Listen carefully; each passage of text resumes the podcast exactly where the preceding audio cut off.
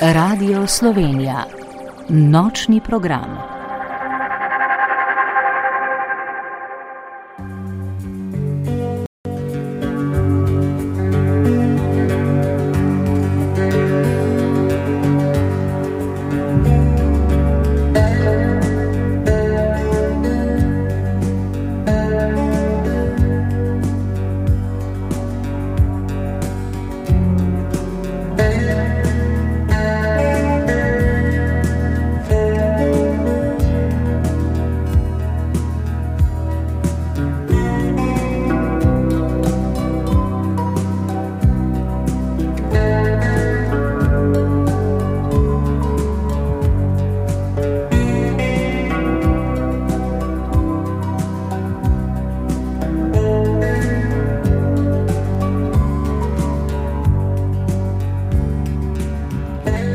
Dobrodošli v nočnem na prvem. Urednica nočnega programa Jana Papler Bajžel, glasbena urednica Teja Klopčar, tonski mojster Matej Žbitenc in voditeljica Nada Vodušek vas vabimo k poslušanju našega programa, ki vas bo, če boste tako želeli in če boste bedeli, spremljal vse do ranega jutra.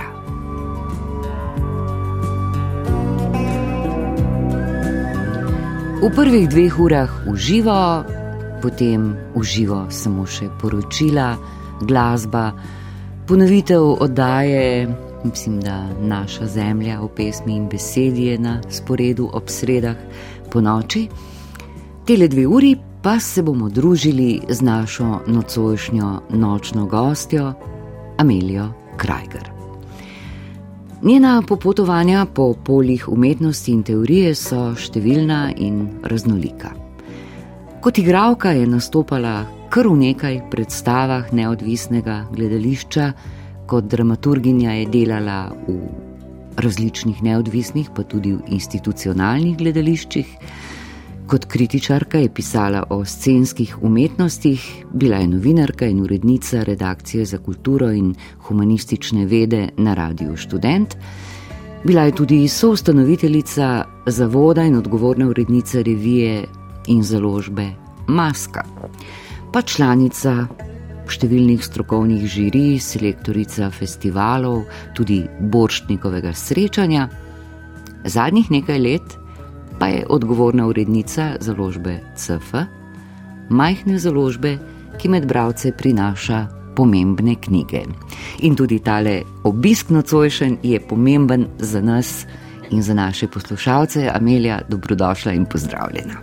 Ja, najlepša hvala za povabilo in dobro večer. Um, Sva rekli, da bomo šli malo v zgodovino, pa ne preveč, ne, ker kot si mi dejala, je to neko drugo življenje, ki je zdaj že za tabo, ampak na njih imaš najbrž kar lepe spomine.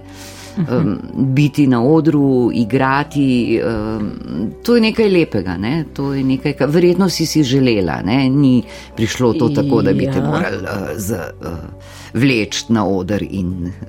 ja, vsekakor, vsekakor. Um, sem si, tako kot mnogi pač, mladi ljudje, jaz sem, celo, jaz sem si želela biti igralka. Kot rečeno, to je bilo resnično v prejšnjem življenju, ampak kar me je v tistem času zelo, zelo zaznamovalo, je bilo, da sem um, um, kot srednješolka, ki obiskovala sem gimnazijo v Kopru, um, sem uh, hodila na gledališko in lutkovno šolo Gilš Kodum, uh mhm. -huh. ki jo je v 90-ih, v začetku 90-ih let ustanovila, oziroma že konc 80-ih, čisto v začetku 90-ih, Metka Zobec na takratnem ZKO-ju.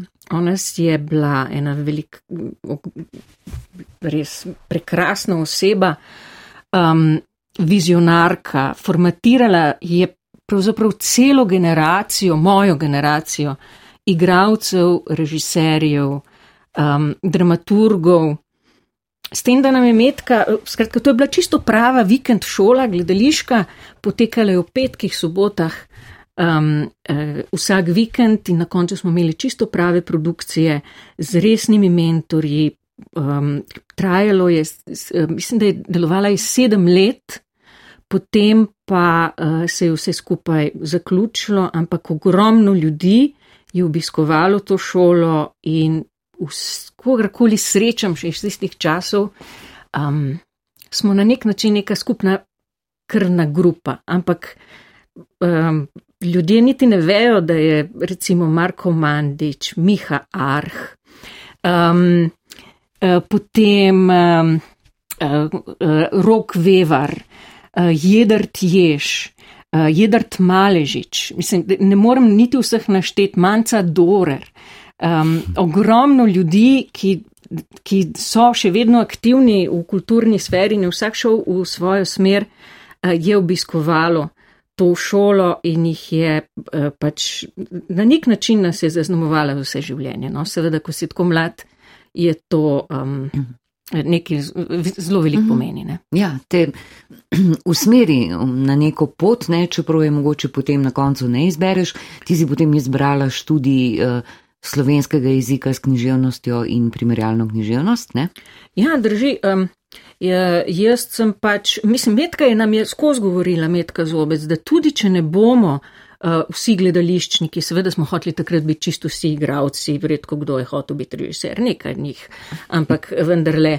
Um, je rekla, ne, ne rabite biti uh, vsi igravci. Meni je pomembno, da boste zaradi tega boljši dohtari, boljši zdravniki, karkoli boste počeli, boste imeli to izkušnjo. In imela je prav, ne?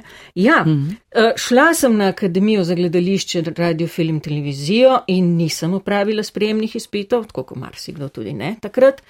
Uh, in sem potem šla študirati slovenščino in primerjalno književnost. Um, in sem ta študij zaključila z um, z um, diplomo na temo Dušan Jovanovič in njegova dramatika. Um, vmes počela res vse mogoče um, kot samo zaposleno v kulturi. Preprosto se zgodi vsem, da na nek način začnemo, temu sem jaz rekla, svaštarit. Mhm. Skratka, zato, da preživiš, delaš na raznih koncih. Seveda, bila sem pač urednica na radiju, Uh, ampak hkrati sem pisala kritike za dnevnik, pa večer. Uh -huh. Delal, ja, skratka, tega je bilo zelo veliko. Za ogromno časopisov, ne, si, mislim, ogromno, ja, kar, kar precej, ne. Uh, uh. Ja, ja, mislim, ja, in neki let je to trajalo, seveda, uh, pol si na, na, na nek način narediš ime in to, ampak uh mhm. -huh. dejstvo je, In to je pač en poseben fenomen, ki bi ga bilo treba resno naslavljati, da vsi kritiki, pravzaprav, ko se skoraj da vsi, no, izjema je morda Blaš Lukan, pa um, Matej Bogataj, um, vsi smo odnehali nekako pri 35, ker, ker preprosto smo, smo dosegli, nismo mogli od tega več preprosto živeti. No. Smo pa ogromno predstav se nagledali, se veliko naučili. Um, ne na zadnje, ja, posta, potem pa, ker si um, samo zaposlen in neodvisen in ne sodeluješ v teatru, te pokličejo pa tudi v žirijo kot kritika, ki se veliko dela. In zato sem pač bila tudi članica nekaterih žirij. In, ampak to, to, to se zdaj dogaja tudi mlajšim od mene, 10-15 let mlajši um, eh, gledališčniki, samo zaposleni v kulturi. Vidim, da grejo po podobni poti. So pač v komisijah na Ministrstvu za kulturo, kamor se jaz sama ne bi več vrnila. Hvala, bilo je lepo, dokler je trajalo, ampak ne bi več šla odločati um, o um, eh, financah, v katerih pravzaprav niti. Niti, um, je, marsikaj je določeno in pa se ti moraš pisati obrazložitve za nekaj, kar pravzaprav ni bil relevanten. No, neke, takrat je bilo, je vsaj tistih dobrih deset let nazaj, ko sem še bila v komisiji na ministrstvu, je to izgledalo, da smo bili na nek način vsaj delno paravan za odločitve, neke politične odločitve nekoga drugega in ne toliko um, pač. Um, To, kar bi si želeli. Pač ne moreš. Če, re, če je rekel, Eh, za, da imamo na programskem razpisu samo toliko denarja, ga nisi mogel raztegniti, čeprav bi ga najrajši dal za, za velike uh, avtorje.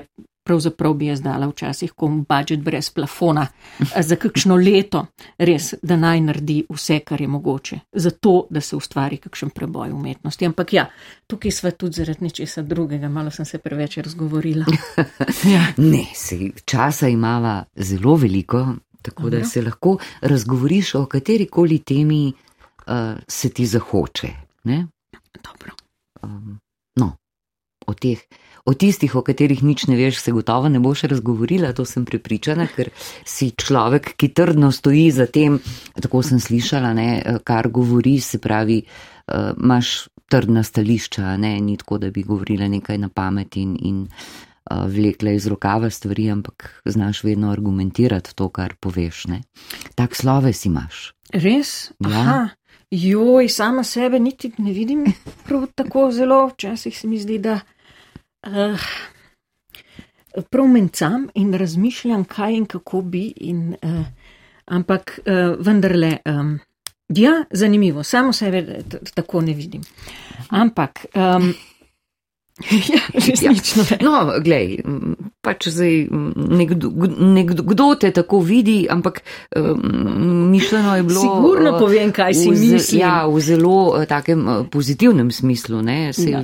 Sigurno upam, povem, kaj si mislim. Ne, znam pa, ne vem pa, če znam se tako dobro izraziti in artikulirati kot nekdo, ki predava večkrat na teden. Uh, Eh, množici ljudi, ki se zna zelo dobro izražati in artikulirati. Moje misli zelo rade skačejo eh, na vse konce in kraje. Ampak se za uh, delo, ki ga zdaj opravljaš, ne, kot urednica uh, pri založbi CF, je pa pravzaprav dobro, ne, ta odprtost misli mora biti uh, vse čas prisotna, ker uh, če se ta, pri takem delu uh, zapreš in omejiš ne, in imaš samo nekaj uh, v glavi, potem ti lahko ogromno enih zelo pomembnih stvari eh, spouzi mimo tebe. Ne?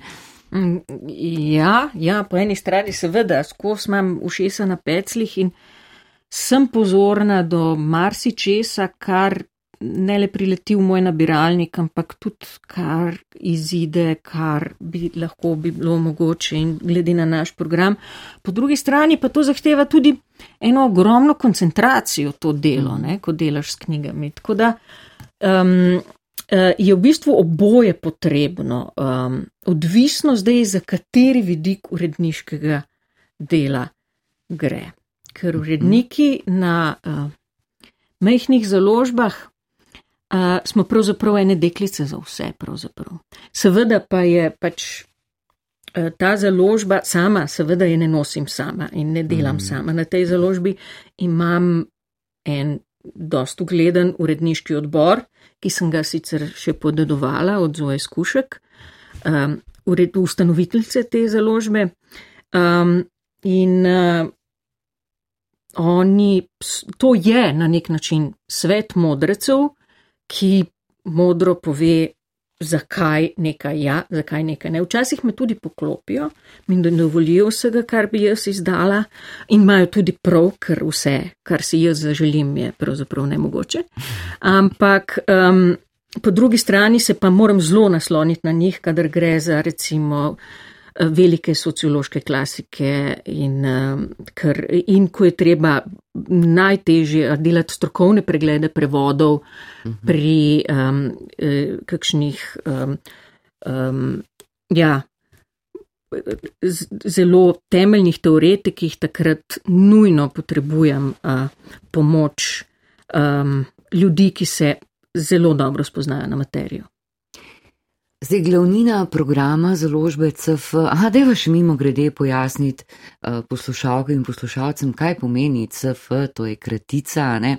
Mogoče marsikdo ne ve, ne? Ja, pa ja. je v resnici zelo pomenljivo uh, ime, uh -huh. uh, izbrala ga je verjetno Zoja, ne? Seveda. Ustanoviteljica, ki je založbo naredila tako rekoč iz nič, skratka CF, uh, pojasniva to, ne? Ja, uh...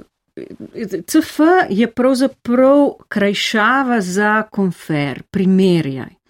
Uh, Zoja je um, se odločila za, za ta malhecen naslov. Vsi sprašujejo, kaj zdaj je ta čuden CF, kaj to pomeni. Gre za uh, oznako um, gre za oznako opombe pod črto, ki napotuje k novim branjem. Skratka, pri humanistiki uh, je ponavadi tako, da imamo ogromno referenc uh, mi še vedno se držimo te stare francoske šole, da so vse naše reference v, v naših humanističnih knjigah pisane pod črto. Um, um, in uh, skratka, um, konfer pomeni, glej naprej, primerjaj to pa to delo, napotujete na nova branja, hkrati pove, da pravzaprav nobeno delo samo zase ni popolno in da je vedno uh, je nastalo iz tega um, in je vedno na nek način dedič zgodovine, nekih prejšnjih del in, um, uh, je, mislim, in je ta napotek, da je treba, da se knjige med seboj povezujejo, je upisan pravzaprav v temelj te založbe. In um, Zoja, mislim, s časoma je ta založba je bila ustanovljena pred 25 leti in v roku nekaj let je nastalo deset različnih zbirk. Um, in, te, in te veliko jih je in pnejo se od čiste teorije, zelo trde klasične teorije uh, družboslovne 20. stoletja, prek esejistike, biografij pa do leposlovja. Um, en širok spektr um, uh, raznih žanrov um, premore naše založbe in to je to naše, se mi zdi, eno veliko bogatstvo in eno tako, ena taka vizija, ki jo je imela Zoja um, v svojim delom. Namreč, ko rdeča, temeljna naša rdeča humanistična zbirka piše recimo um, o izkoriščanju in, in, uh, in, in strahotah kolonializma v Afriki, leposlovna zbirka izdaja Kaif, izdaja um, klasiko afriške literature.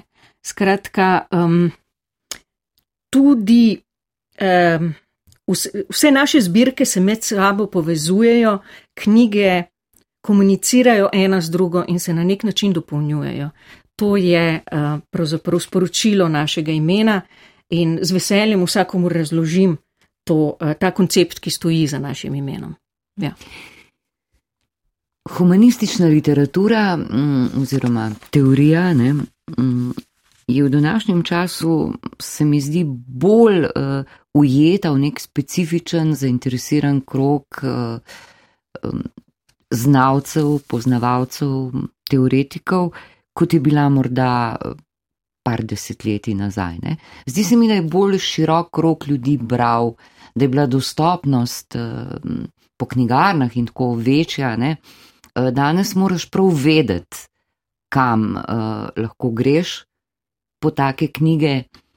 Vedeti moraš, kaj hočeš. Seveda imamo splet, na katerem je dostopnost informacij velika, ne? ampak vseeno se mi zdi, da morda predvsem mlajši uh, populaciji, ne, mogoče tudi srednješolcem, zakaj pa ne, ne, zakaj pa ne bi tudi oni tega brali, je pa uh, bolj tuja, ne, zaradi nekih, ne vem, drugih uh, medijev, zaradi tega, ker je način življenja, način komunikacije, zanimanja drugačen, ne vem, zdaj sem malo napletla, ampak uh mhm. -huh. da pridem k bistvu uh, in k vprašanju uh, vloga humanistike, je zelo pomembna, na vides pa se zdi, da postaja v družbi obrobna.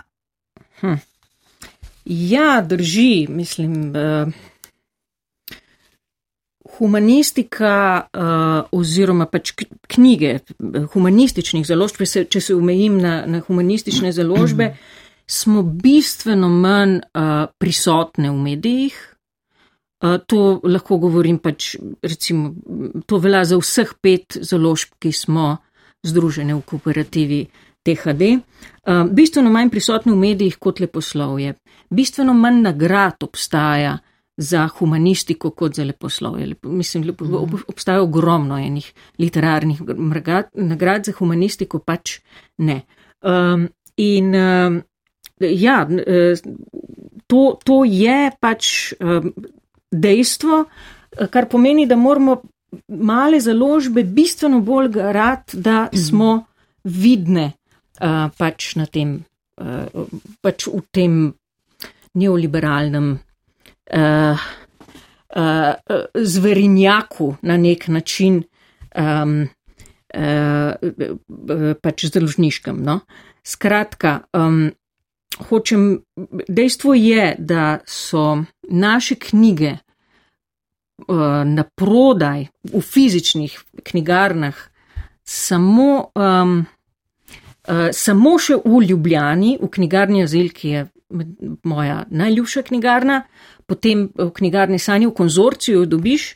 Um, in mislim, da, uh, da je, bi morale pač. Um, da bi morale, eh, mrež, edina mreža knjigarn, ki obstaja v Sloveniji, ki se imenuje Mladinska knjiga trgovina, mislim, da jih je 52 uh, v Sloveniji, da bi morala um, uh, dejansko prevzeti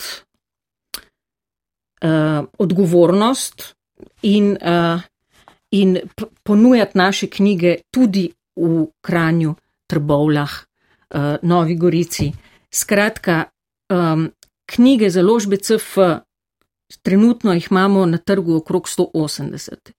V, v konzorciju jih najdeš 70 morda, podobno velja za uh, knjigarno Azil, knjigarno Sanje, drugot po Sloveniji, v edini mreži knjigarn, ki je kaj vredna, seveda, ki se počasi spreminja celo v papirnice, moram uh mhm. -huh. reči, pa so pač na policah razstavljene knjige za, uh, knjige za uh, uh, um, boljše življenje, uh mhm. -huh. kako, se, uh, kako postati boljši podjetnik, kako se uh, izogniti stresu in uh, kuharice. Ne? Ja, tako. Pa tu in tam je še kakšna otroška knjiga. No, pa seveda tudi knjige, ja, in to, da ne bo pomoč, mislim, Skratka, tudi konzorci ni imun na te knjige, imajo seveda izpostavljene, govorim, eh, zelo je, veliko je tudi kvalitetne literature, ampak predvsem mainstreamovskih založb. Naše knjige so ponavadi skrite in nikoli izpostavljene um, v, uh, kaj, v izložbah, sploh ne, kaj šele na policah. Tam so nekje skrite. Uh, nažalost je temu tako. No? Um, mm. In um, mislim, da je. Problem je v tem, da se je pač že v začetku 90-ih let uh, je izvirni greh za, za to, zaradi tega, ker se je sprivatizirala celotna branža takrat. Verjetno je vse skupaj je bilo zelo naivno, po mojem, v tistem času in so se velike založbe, kot pač mladinska knjiga, državna založba Slovenije, obzorja, bilo je ogromno enih kvalitetnih založb, ki so ogromno producirale. Spomnimo, Cankarjeva založba je bila še v 80-ih letih, je izdala zelo kvalitetno humanistiko mm. in to v visokih nakladah. Se je te programe preprosto opustilo, uh, šli so, uh, sprivatizirale so se in danes smo, kjer smo.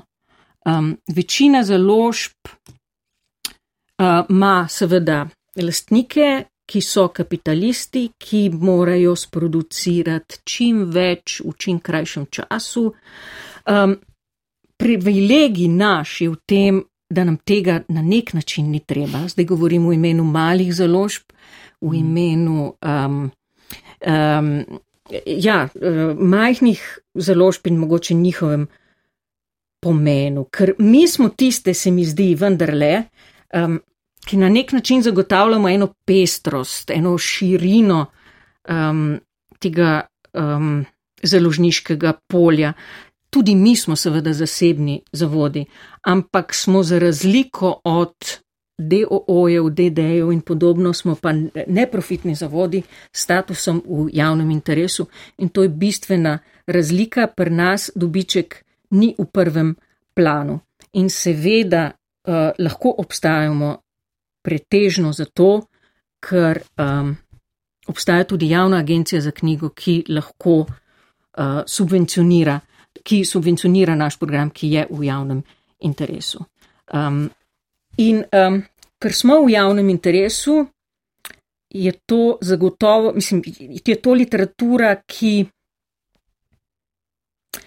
bi morala biti dostopna vsem povsod, zmerom, če hočemo, um, da, se, da, da se erozija pameti preprosto ne bi večala na tem svetu. No. Ne vem, kaj ne rečem. Jaz tako Ja. zelo, ja, Ja, ne vem. Zdaj sem napletla marsikaj tudi Ja, sama. ampak si ampak... zaključila zelo um, s poudarkom, ki, ki je še kako na mestu uh -huh. in ki ga je treba uh, vedno znova ponavljati, se mi zdi, ne? ker erozija pameti nezadržno uh, Mhm. narašča ne? in govta. Uh, Ja, hočem, to sem hotela reči, ne? da se res nujno razlikujemo od uh, komercialnih založb, pa tudi od, da ne rečem, zelo kakovostnih, uh, večjih slovenskih založb. Uh, skratka, jaz tukaj strogo ločim mladinsko knjigo, ki je pač sicer lahko ji rečemo mainstreamovska mladinsko knjigo založbo in mladinsko knjigo trgovino. Uh -huh. Skratka. Um, ker vendarle poznam nekaj urednikov tam uh, na teh večjih založbah tudi in so vsi skrajno profesionalni in delajo dobro, to je treba pač reči. Problem je dostopnost potem naših knjig. Skratka, uh, dejstvo je, nič ni narobe, da obstajajo najrazličnejša paleta knjig. Seveda, uh, bralcev je ogromno, obstajajo zelo različni bralci in potrebujejo vse. Ampak mi vsi skupaj, nek, veliki, srednji, pa mali za- založniki, um, so obstajamo na nek način um, na tem istem malem knjižnem trgu in to je en čuden pojav, ki ga je treba razumeti in na nek način bi ga bilo treba bolj ustrezno nasloviti, po mojem mnenju. No. Hm. Uh, ker pri nas, ne, naše, ne, naše knjige, po, po mojem mnenju, mi pač nimamo nekega omejenega roka trajanja. Um, naše knjige se zagotovo podajo, prodajo na daljši rok, skozi več let, um, celo skozi več desetletij. Obstajajo knjige z, z letnico 99, ki jih še vedno imamo v skladišču in še vedno vsako leto prodamo po nekaj izvodov. Um, skratka, um, vse, mi prodajamo knjige, vse dokler jih ne razprodamo.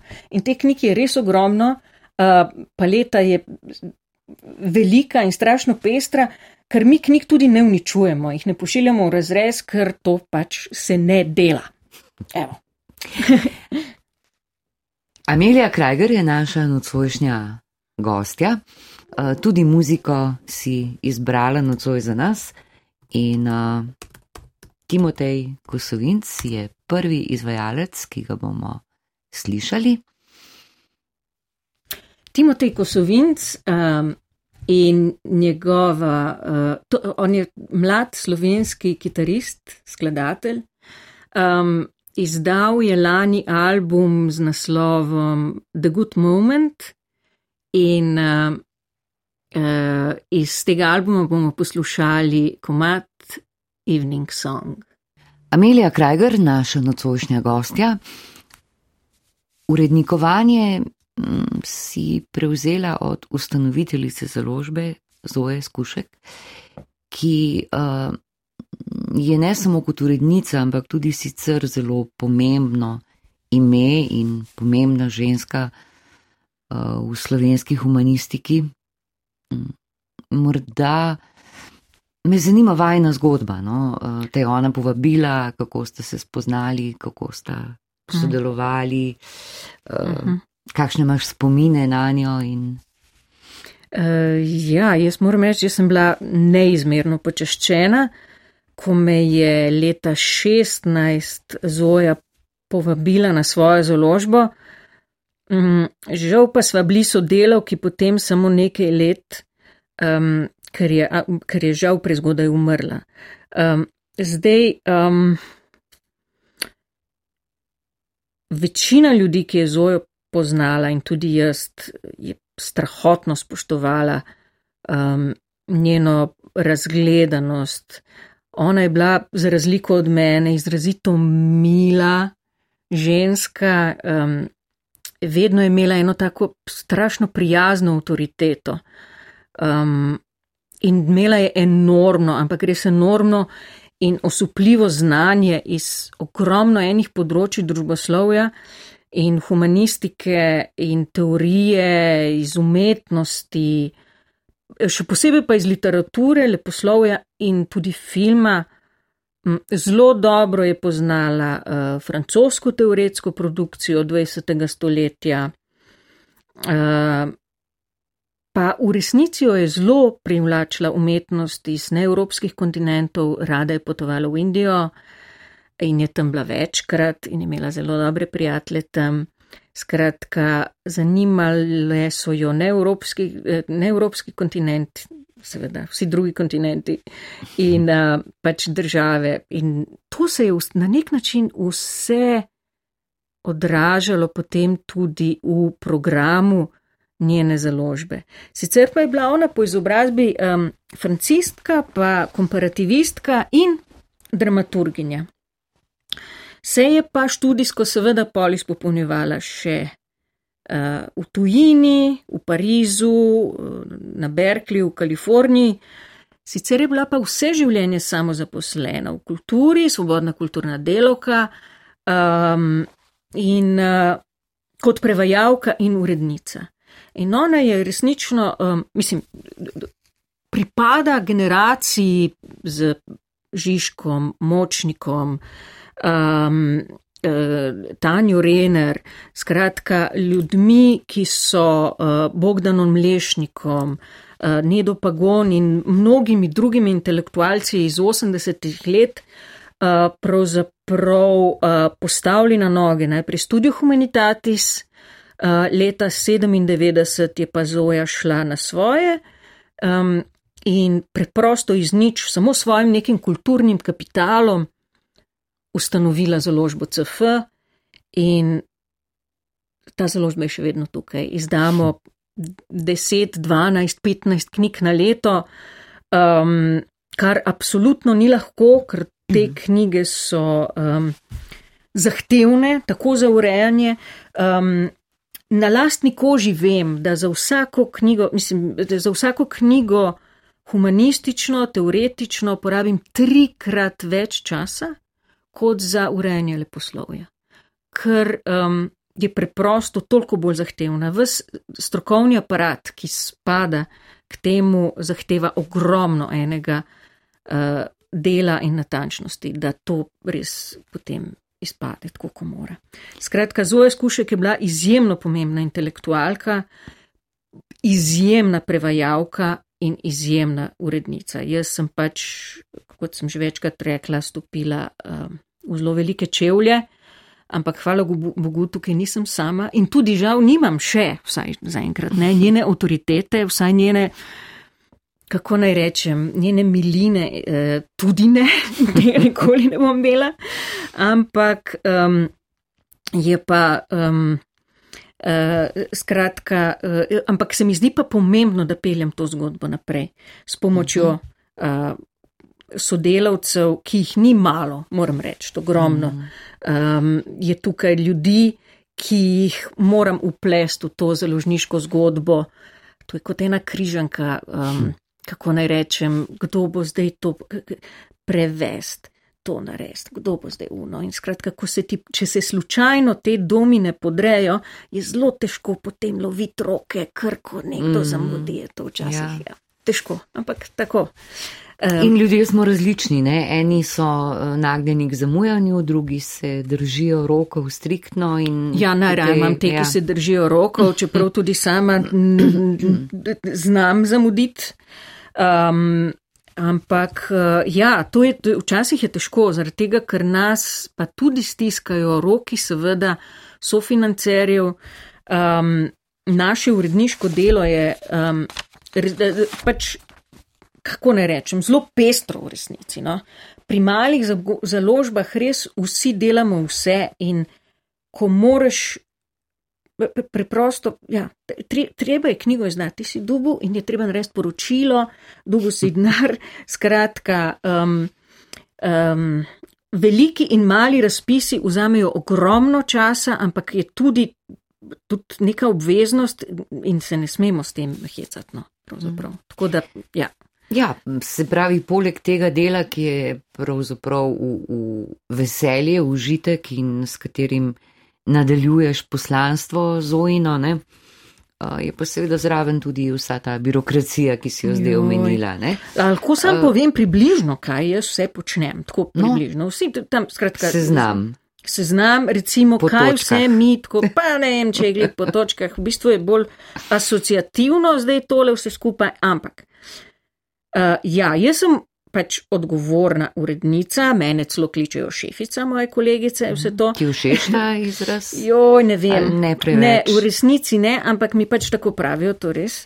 Ampak mi to, jaz delam praktično vseeno, seveda mi pri tem pomagajo kolegice, ampak skoraj nič ne gre mimo mene. Ne? Skratka, tu imamo velike pa male razpise, ki so seveda predpogoj za, za vsakršno našo dejavnost um, za vidnost našo. Tudi pa imaš vsebinska poročila, ki jih je treba delati potem za te iste birokrate, ki so nam dali denar. Uh, potem je ogromno ene muke s pridobivanjem prevodnih pravic, o Marija. Uh mhm. -huh. Potem urejanje knjig, lektoriramo, korigiramo, zbiramo fotomaterijale in pravice za vse te fotomaterijale, ko moramo objaviti kakšne fotografije v knjigah. Uh, potem priprava, kot sem že omenila, teh imenskih stvarnih kazal, vse um, potem pišemo razne uh, promocijske uh, uh -huh. tekste, sorganiziramo okrogle mize. Um, Skratka, prevažam knjige, ker sem tudi edina voznica na tej založbi, prevažam knjige po različnih sejmih. Aha, to moram jaz povedati. Zaradi tega, ker te naše humanistične knjige niso zelo dostopne uh, v knjigarnah po vsej Sloveniji, najdejo se v dobrih knjigarnah v Ljubljani, vsekakor v konzorciju, prekrasni knjigarni, v uh, azilu in v.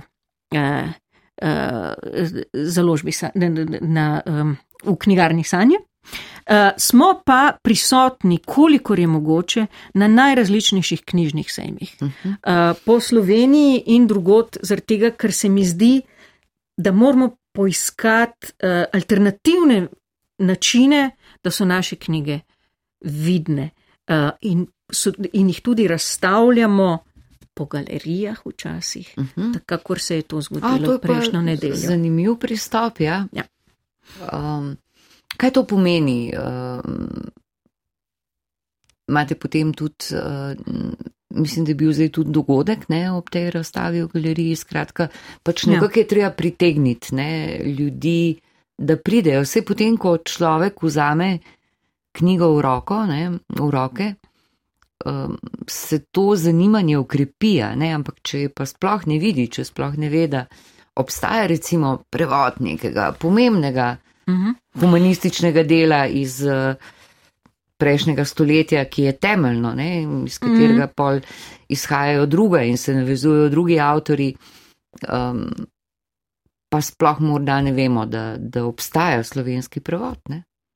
Ja, se zato mi smo zdaj pač knjigo poskušamo, to, to v bistvu je ideja tudi moje kolegice, s katero se zelo strinjam, kolegice Magdalene Germek, ki je uh, kreativna urednica na naši založbi. Uh, skratka, ona je uh, zadolžena za kurirane predstavitve našega programa. Skratka, če delamo vrhunske knjige, uh, um, uh, tehtna dela uh, iz teorije, uh, in uh, na, jih moramo tudi na primeren način pokazati. Skratka, imamo eh, predstaviti eh, skozi uh mhm. -huh. predavanja, cikluse pogovorov, ki so tematsko, celoletni, eh, tematsko eh, pripravljeni. Hkrati pa um, je ta pristop, da, da postavimo uh, knjigo v en drug kontekst, kot je galerijski kontekst, uh mhm. -huh. je to. Um, Jo pokaže v drugačni luči. Tukaj je šlo uh, v v nedeljskem primeru za kurirano razstavo na temo dela. In mi smo, tukaj, tukaj smo se združili um, založbe, uh, pet, pet založb iz uh, kooperative THD, to je naša pet založb humanističnih, um, Sofija Krtina, Studija Humanitatis, Društvo za teoretsko psihoanalizo in založba CF, imamo neformalno združenje um, zato, da, uh, ki smo jo ga poimenovali kooperativa THD in uh, se skupnimi nastopi želimo opozoriti, narediti sami sebe bolj vidne, ker to smo male mhm. založbice, vse izdamo po deset knjig in če ko, ko delamo skupaj, smo preprosto bolj vidni. Zato na nekaterih sejmih nastopamo skupaj in uh mhm. -huh. kaj je naredila, eh, kako je zdaj ta eh, razstava na zadnje izgledala. Bila je kurirana, seveda, izbrala je um, kuratorka uh, knjige na temo dela, o čemer je mhm. govorila razstava. In jih postavlja v kontekst galerije. Bila je razstavljena knjiga tako na nek način kot estetski objekt, hkrati je pa upozorila na to, da je tudi nosilec vsebine uh, in da se po, lahko in da obstaja, konkretno smo, jo smo izbrali, pa lahko bi jih še bistveno več, 25 knjig. Uh, in um, paleta uh, je bila zelo, zelo široka. Od socialnega dela pa do pre, prekarnosti, ki, ki je pač velik -hmm. problem že dolgo. Ja. Um, kdo prihaja potem na te predstavitve, na pogovore. Eh, je veliko mladih študentov, to, eh, so to običajni osumljenci, ki tako ali tako krožijo po teh predstavitvah in so tudi redni bravci eh, to vrstnih od, del. To je zelo odvisno v resnici od dogodka, od avtorja, od predavatelja. Um, In tudi od kraja, kjer to predstavimo. Um, imamo uh, v Kopru, uh, smo zdaj že, smo leto in pol imeli um, ciklus um, pogovorov brez teorije ni prakse.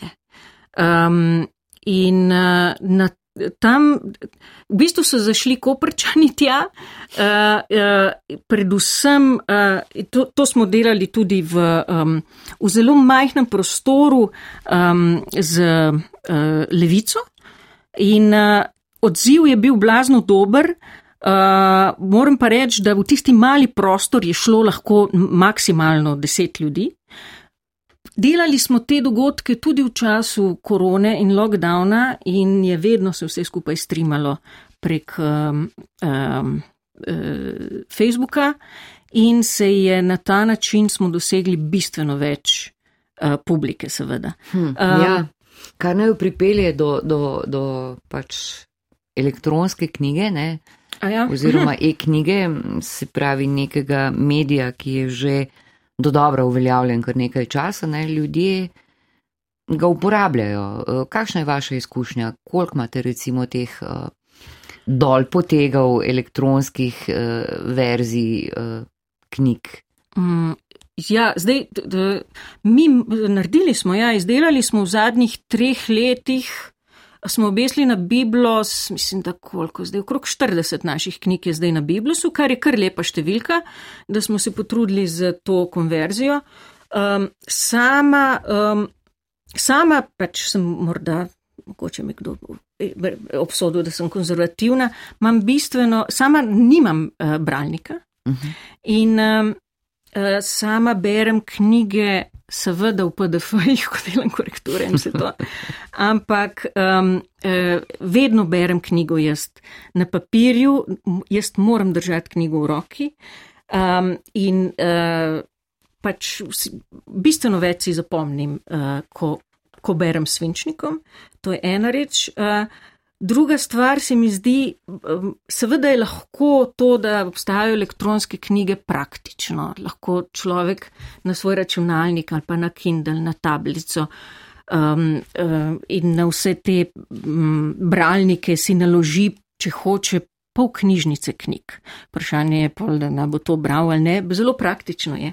Ampak vendarle umanka estetski moment, uh mhm. -huh. kako naj rečem. Tam so črke, pač lahko jih povečaš, verjetno je praktično, ampak um, oblikovanje knjige je hkrati tudi bistveno. In to, da mi mhm. knjige postavljamo v galerijski kontekst včasih, um, je, je pač. Um, Hoče pokazati knjigo kot estetski objekt, tudi. Ne?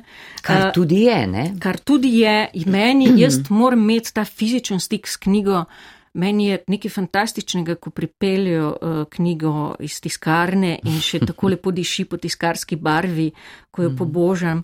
Ko, ko delaš uh, z dobrimi dizajnerji, tudi to se zgodi in ti, ta, in ti izberejo um, dober papir, uh, ki se pod prsti, um, ki, ki ga res, ko, ko, ko platnico pobožaš, uh, je kar žametna in podobno. Tega občutka. Um, Ne želiš izgubiti. Ne, ne nikakor. Ja. No. In, in to, je, to je tisto, kar, pa, pa čemu res pripadam. No. Seveda pa um, ene stvari e-knjige seveda lahko poenostavijo, ampak kot rečeno, to je samo dodatek. dodatek ja, ja. Ki, ki pač, ja, evo. Tako da, absolutno. In nekatere knjige mi damo, pač, na, na, kot mhm. rečeno, nekaj jih že imamo. Na Biblosu ne vem pa, kako um, koliko prodaje ni prav zelo veliko, moram reči. No, mhm. -huh. Več je izposoje prek knjižnic. Uh -huh. uh, kaj pa uh, zvočne knjige? Kakšno je pa tvoje mnenje? Jo, to bi. Jaz, zvočne knjige so pa zame nekaj drugega. Ker tukaj pa ponavadi vklopiš. Um, Je, to je na meji umetnosti, uh -huh. uh, glasovne bes, umetnosti, besedne umetnosti.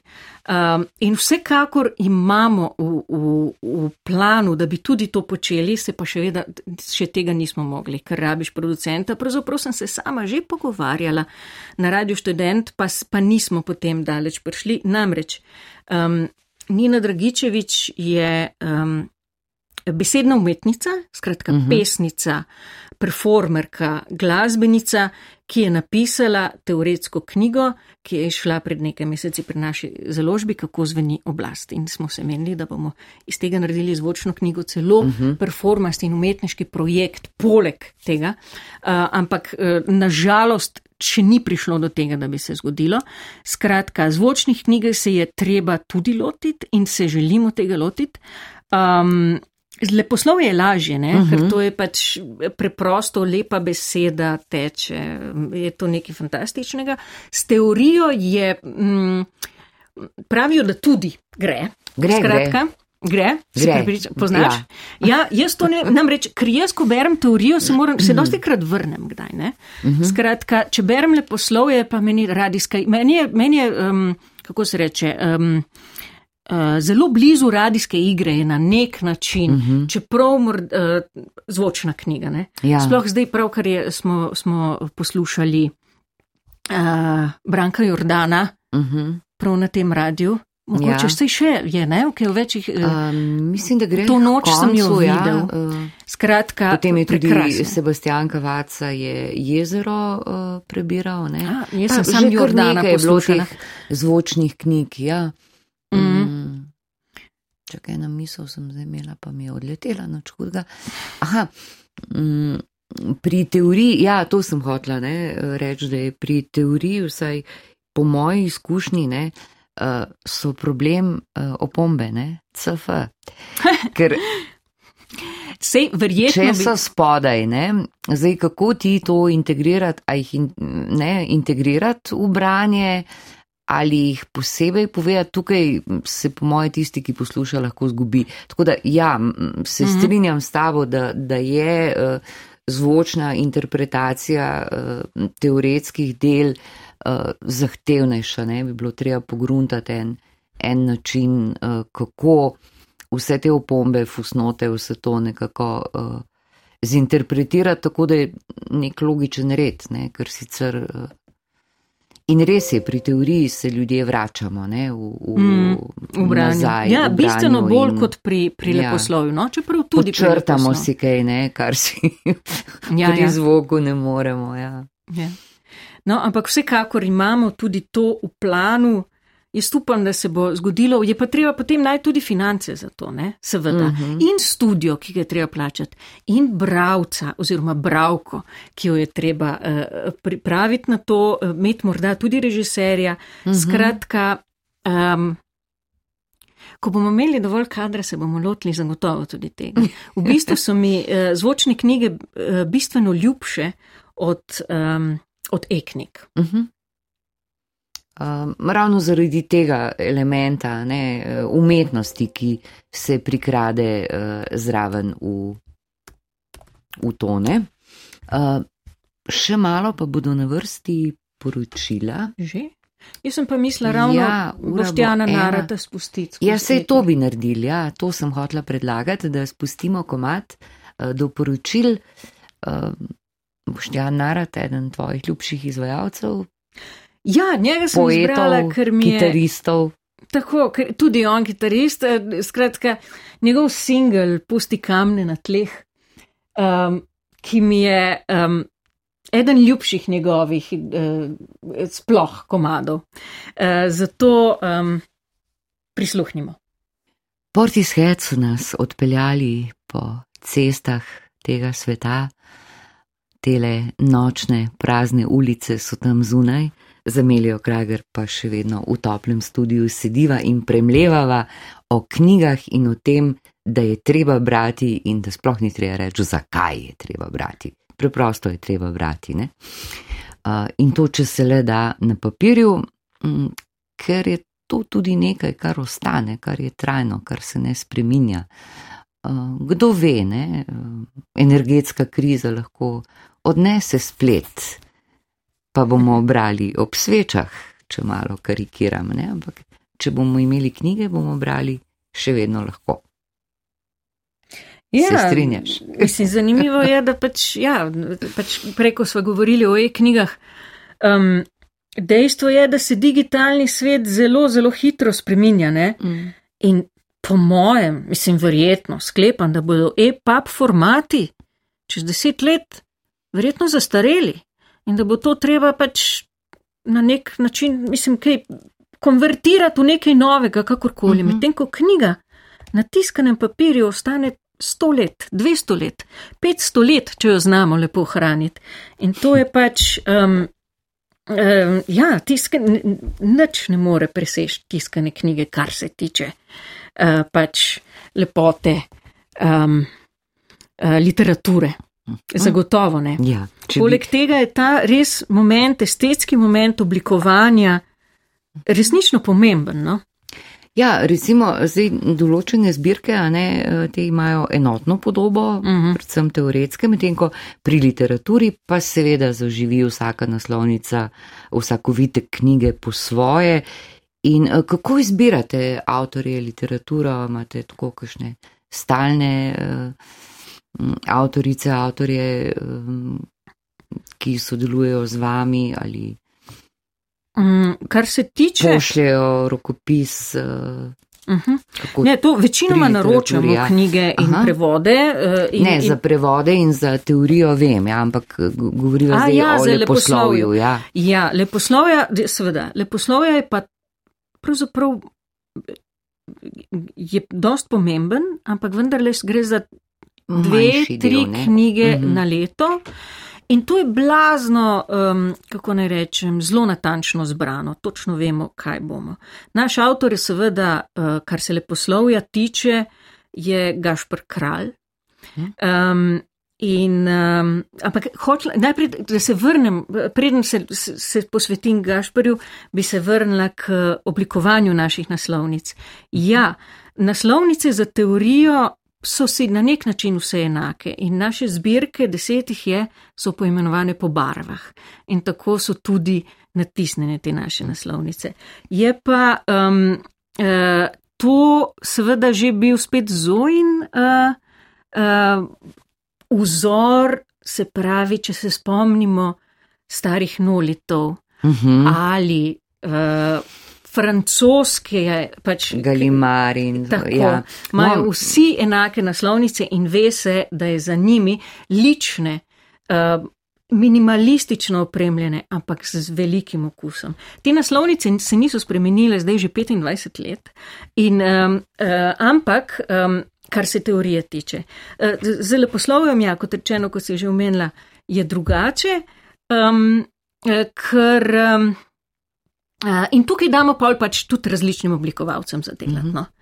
Um, in ja, uh, imamo pa dve zbirki leposlovja. Ena je zelena in je tudi vedno v zeleni barvi, druga je kaif, ki je seveda, kot smo že omenili, posvečena je neevropskim literaturam.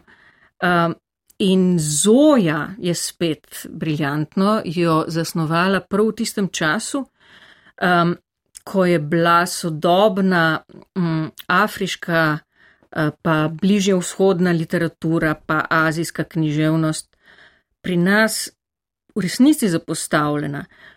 V času neuvrščenih je izšlo kar nekaj, se pravi še za časa juge, je išlo kar mhm. nekaj avtorjev, teh neuvrščenih držav, katere, med katere je spadala eh, eh, pač tudi Jugoslavija, Ranka ja. Jugoslavija, ja.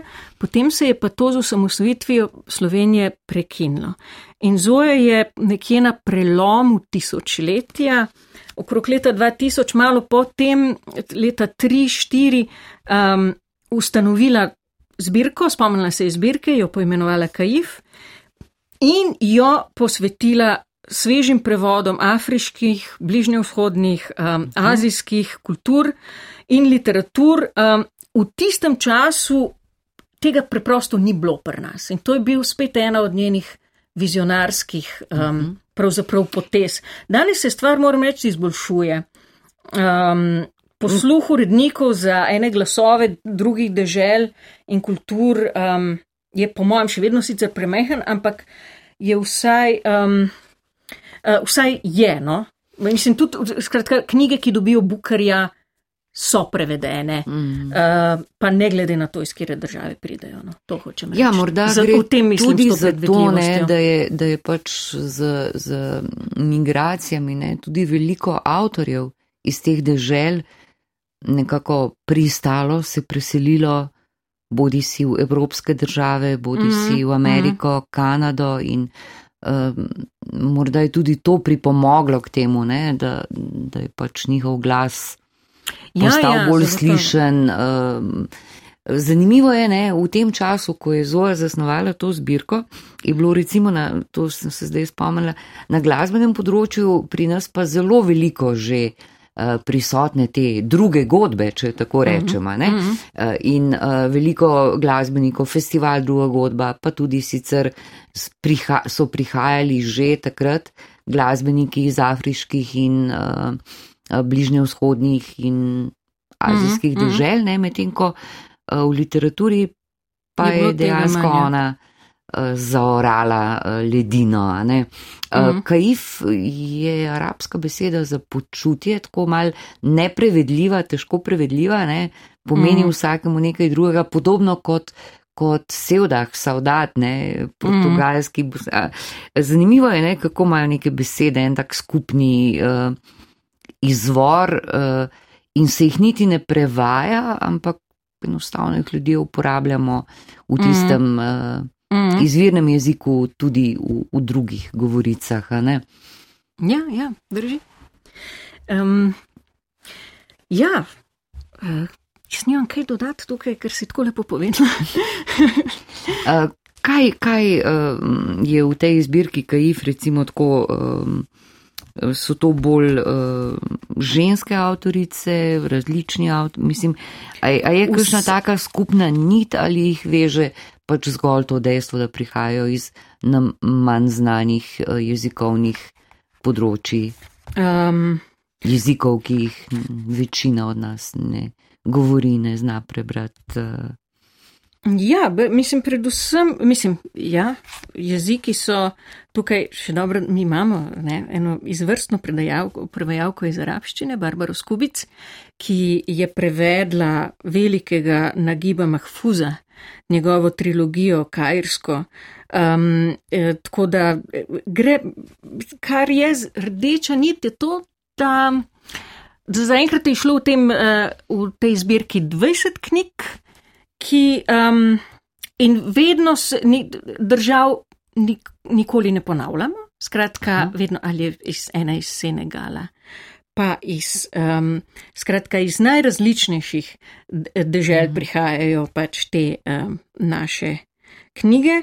Um, um, ar, in uh, to je v bistvu edina ta nit, in da gre mm -hmm. za mhm. pač klasike. V bistvu je to tudi ena taka bitka proti amerikanizaciji, se mi zdi, ne? Eh, zato, ker Ja. večinoma, a veš, bodi si v glasbi, bodi si v filmu, eh, bodi si v književnosti, a ne, eh, je tako nekako prevladuje anglosaksonska literatura in Ja. miselnost in, in ne, način življenja in vse. In vsi ti okruški, ki prihajajo tako po malem v naš Mhm. prostor, ne, so po mojem mnenju tudi izjemno pomembni ravno zaradi tega, ker nam kažejo to širino sveta, širino kultur, širino jezikov, ne, da pač nismo vse čas Ja, ja, utopljeni ja. samo v, v ta anglosaksonski mm -hmm. prostor, ki, ki nas, eh, pa ne želim zveneti paranoično, da nas okupira, v bistvu nas ja. je Ja. že, ne. Ne, seveda, ampak to je problem pač neoliberalizma in kapitalizma, hegemonije, mm. pravzaprav tega. In eh, ja, vsi se oblačimo enako, oprema v hišah eh, je enaka, ker je vse iz Ikeje. Skratka, um, ja, odkrivanje nekih drugih svetov, drugačnega načina življenja in da se to prinese k nam po možnosti, da vse skupaj prevajamo ne iz kolonialnih jezikov, uh -huh. ampak iz jezikov uh, izvornega, um, je, je uh, zelo pomembno. No.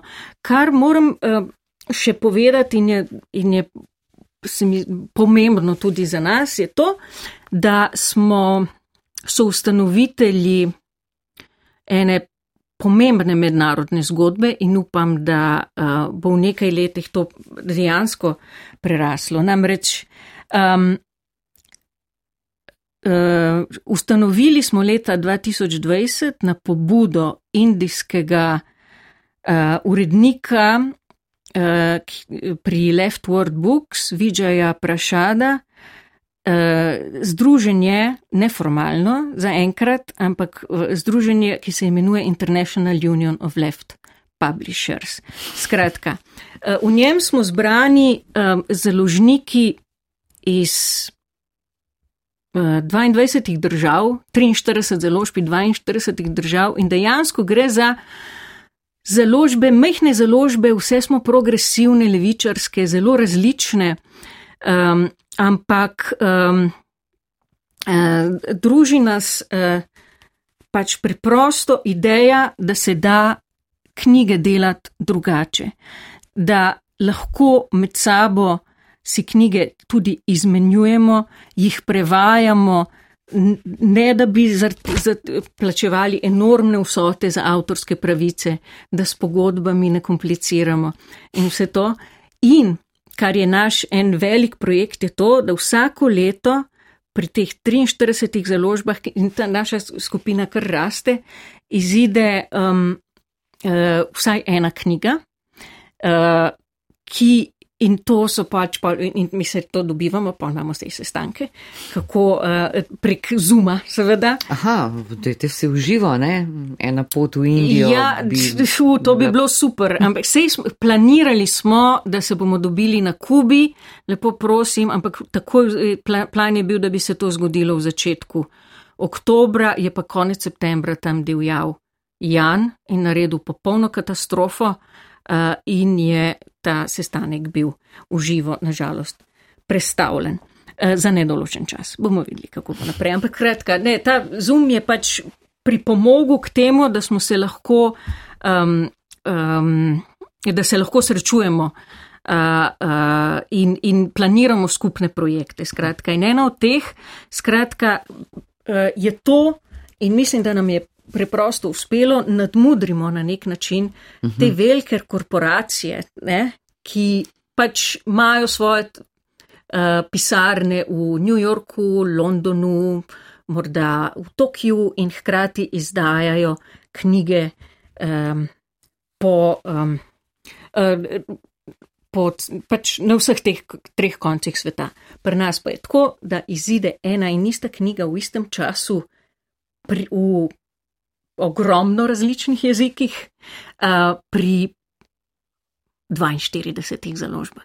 In to je, um, en tak utopičen projekt, mm -hmm. uh, ki ga bomo še nadgrajevali.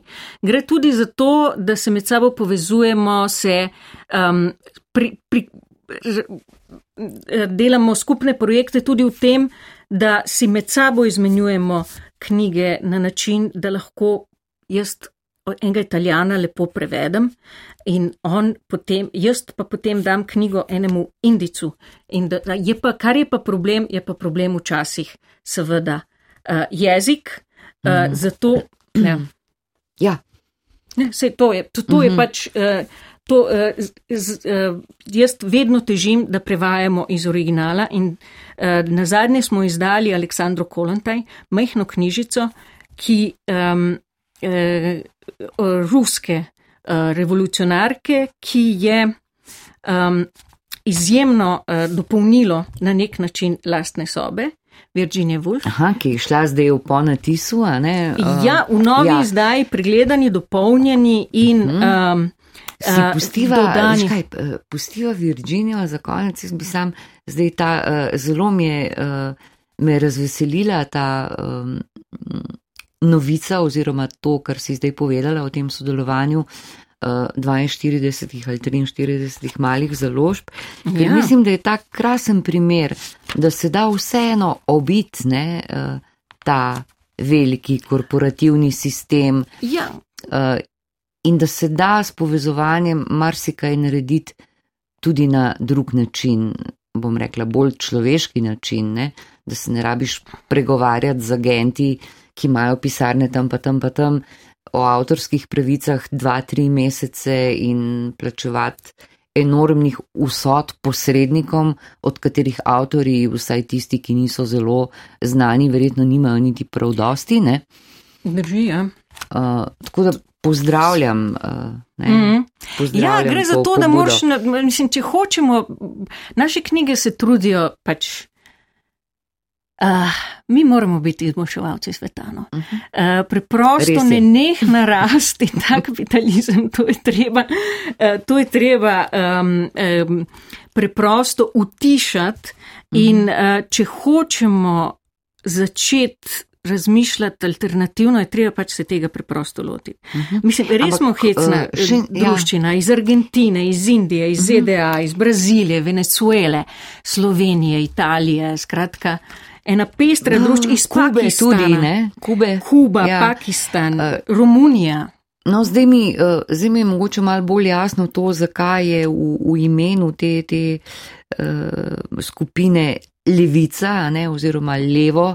Mm -hmm. uh, veš, ker levica v, v teh zahodnih demokracijah ne, je nekako že izgubila ta svoj prvotni naboj, vse tako se meni zdi, ne, in je deloma pristala na ta neoliberalni diskurs. Mm -hmm. uh, verjetno v teh deželah, recimo ne, Venezuela, Kuba in tako naprej, uh, pa mogoče levica še ob, ima še čast. Ja, po drugi strani. Oblast.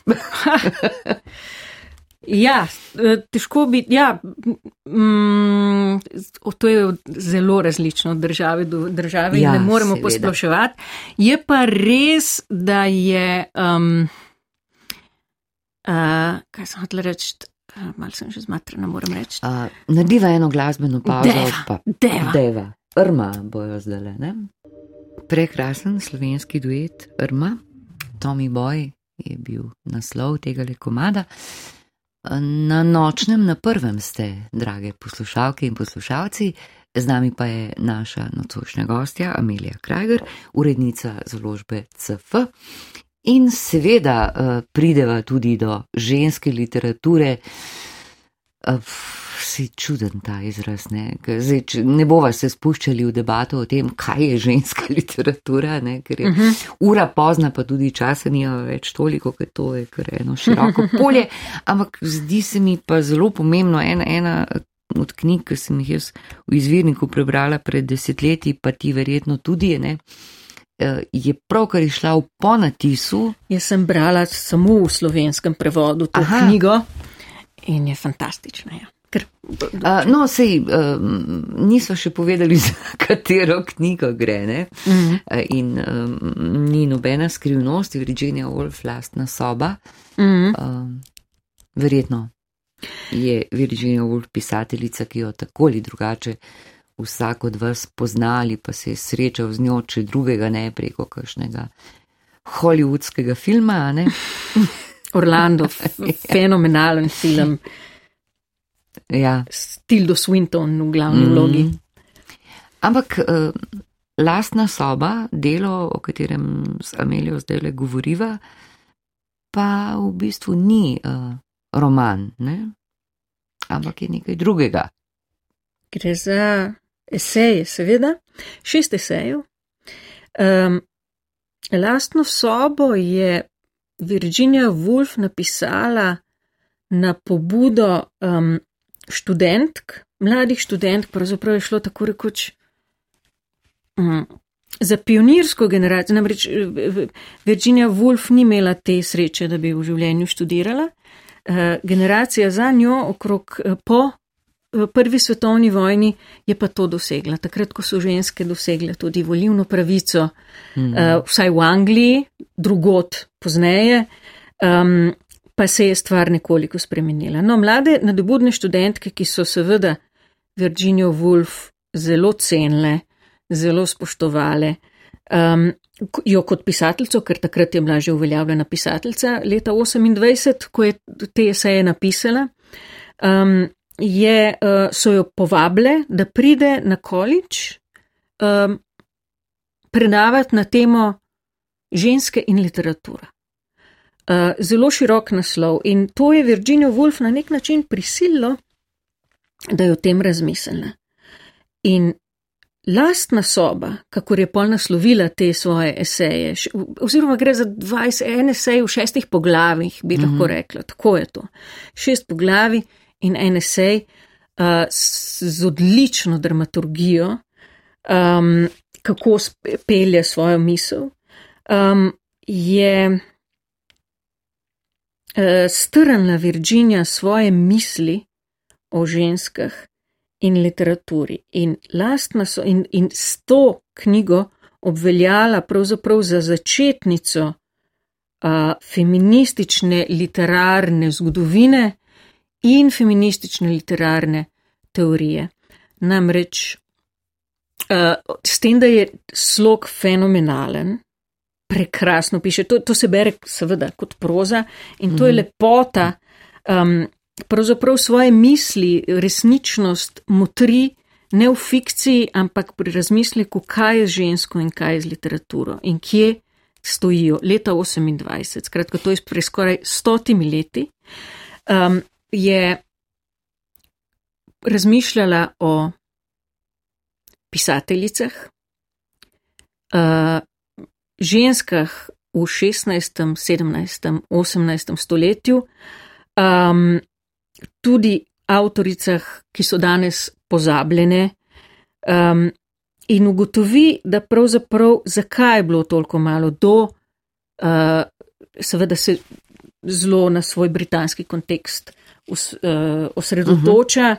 in uh, se ukvarja z tudi seveda z velikimi uh, sestrami Bronti. Uh -huh. um, uh, skratka, njih ima za prve uh, velike um, uh, ž, avtorice ženske literature, ampak bistveno v teh esejih je to, da se ona vpraša, zakaj je bilo tako malo avtoric.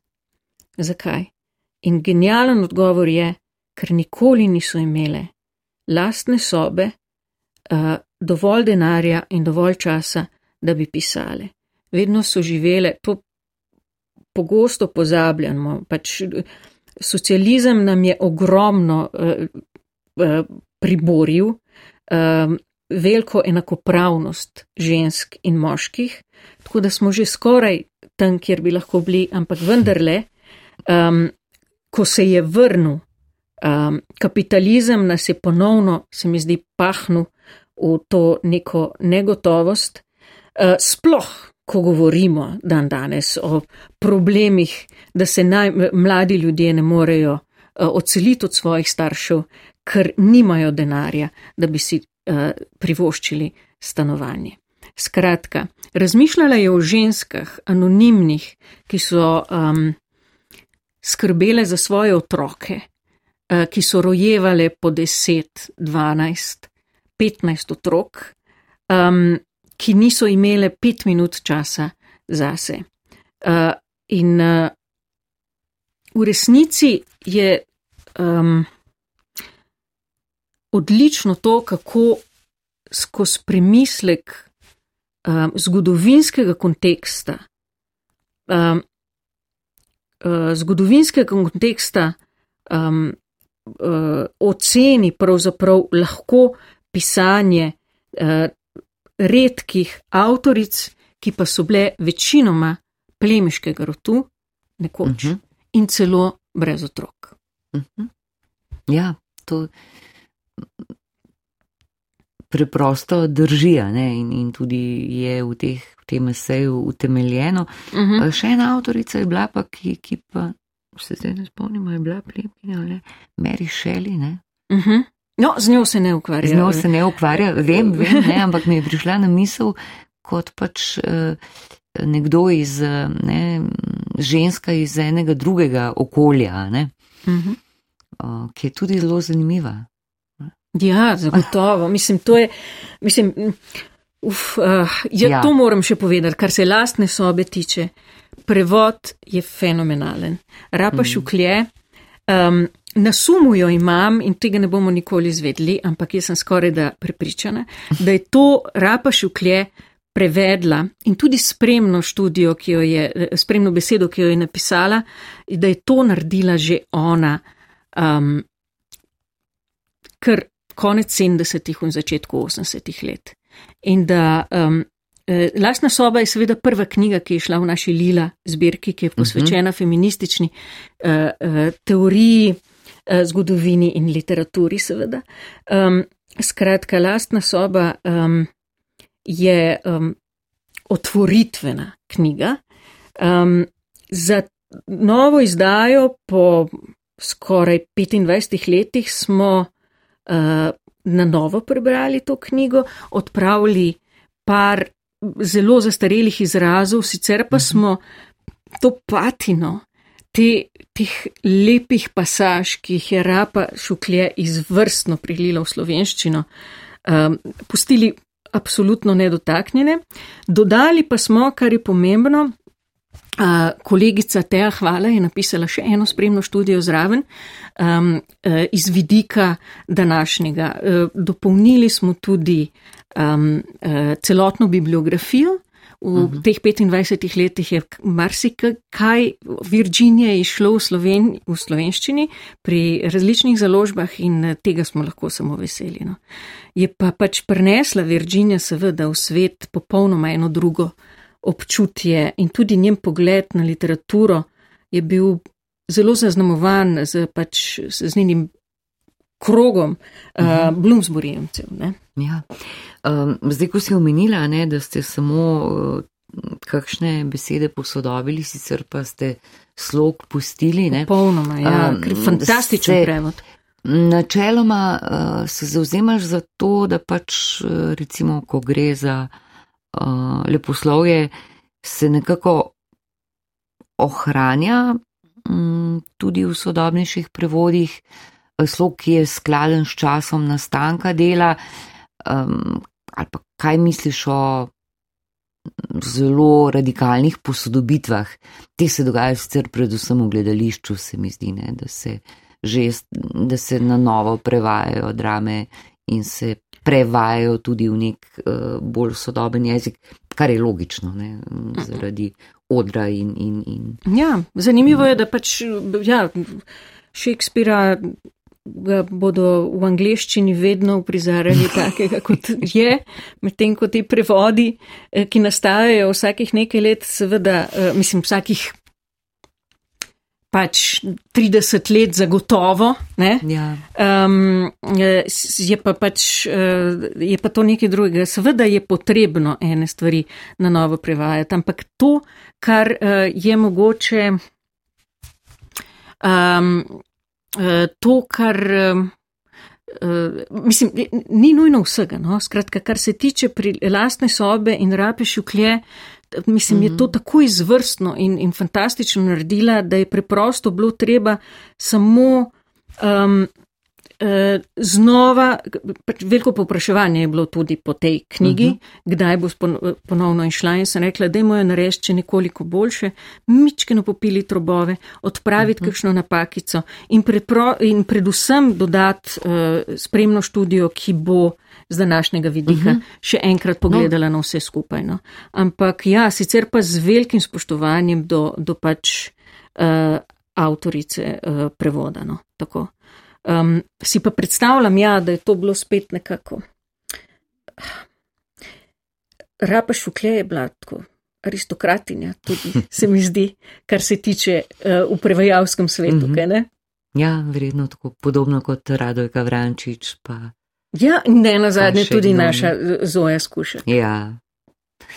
Lepo so zaključili tale krok s pomembnimi prevajalkami, pomembnimi ženskami v, v slovenskem založništvu in, in literaturi.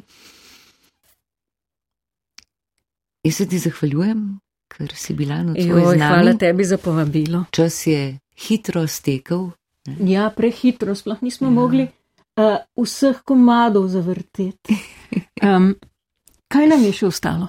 Uh, No, er igra mogoče za konec. A, ja, uh, naj bo, primorci.